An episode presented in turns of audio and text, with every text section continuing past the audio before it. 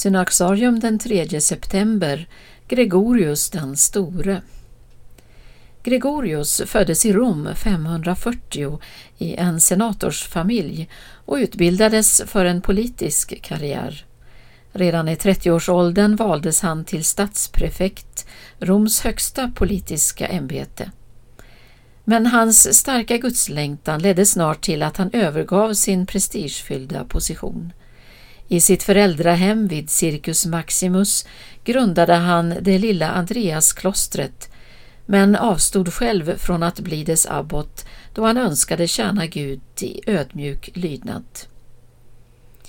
Ryktet om Gregorius personliga och andliga resning spred sig och han blev utnämnd att vara påvens sändebud till Konstantinopel dit han reste 579. Under resan till imperiets huvudstad följde honom en grupp munkar och tillsammans med dem mediterade han dagligen över skrifterna.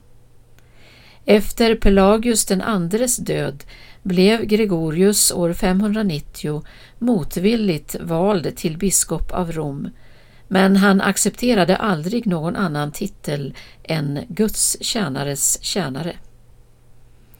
I sitt nya uppdrag fortsatte han att leva i den enkelhet som präglat hans liv som munk. Han såg som sin främsta uppgift att tjäna de nedersta i samhället. Gregorius levde i en tid av stora förändringar och uppfattade ofta det som skedde som tecken på att historien stod inför sitt slut. Inför det växande inflytande som barbarerna hade i romarriket vid denna tid sökte Gregorius hela tiden finna vägar att räcka dessa folk evangeliet som han outtröttligt förkunnade. Den djupa kärlek till Guds ord som fyllde hans liv förmedlade han i sina skrifter som är fyllda av frukterna av hans egen lectio divina, liksom av hans kärlek till det monastiska livet.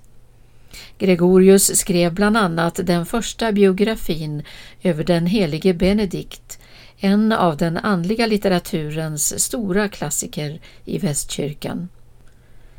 Han formulerade även en lista över de sju så kallade dödssynderna frosseri, vällust, girighet, likgiltighet, vrede, avund och högmod. En mängd predikningar finns bevarade efter honom och på liturgins område gjorde han viktiga insatser. Det är efter denne Gregorius som den gregorianska sången är uppkallad. Tillsammans med Ambrosius, Augustinus och Hieronymus räknas han som den katolska kyrkans äldsta kyrkolärare.